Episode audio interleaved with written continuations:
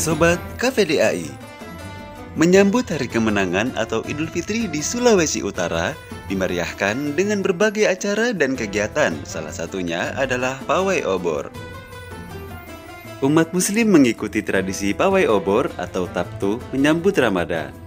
Kegiatan ini dimulai pukul 19.30 dan berakhir sekitar pukul 23 waktu Indonesia Tengah.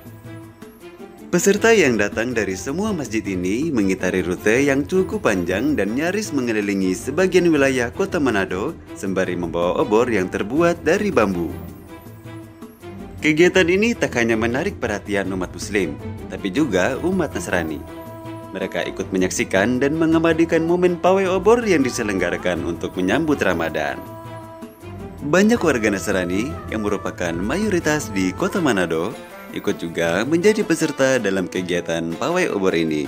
Selain untuk melakukan swafoto dengan peserta lainnya, dan karena nyala api dari obor, juga kebersamaan dan rasa gembira bertemu dengan teman atau sahabat serta peserta yang menggunakan pakaian bervariasi yang indah. Sobat KVDAI, setiap menyambut Ramadan di kota Manado dan sekitarnya selalu diadakan pawai obor atau taptu Kegiatan ini sudah berlangsung sejak lama dan telah menjadi tradisi umat Islam di kota Manado dan sekitarnya.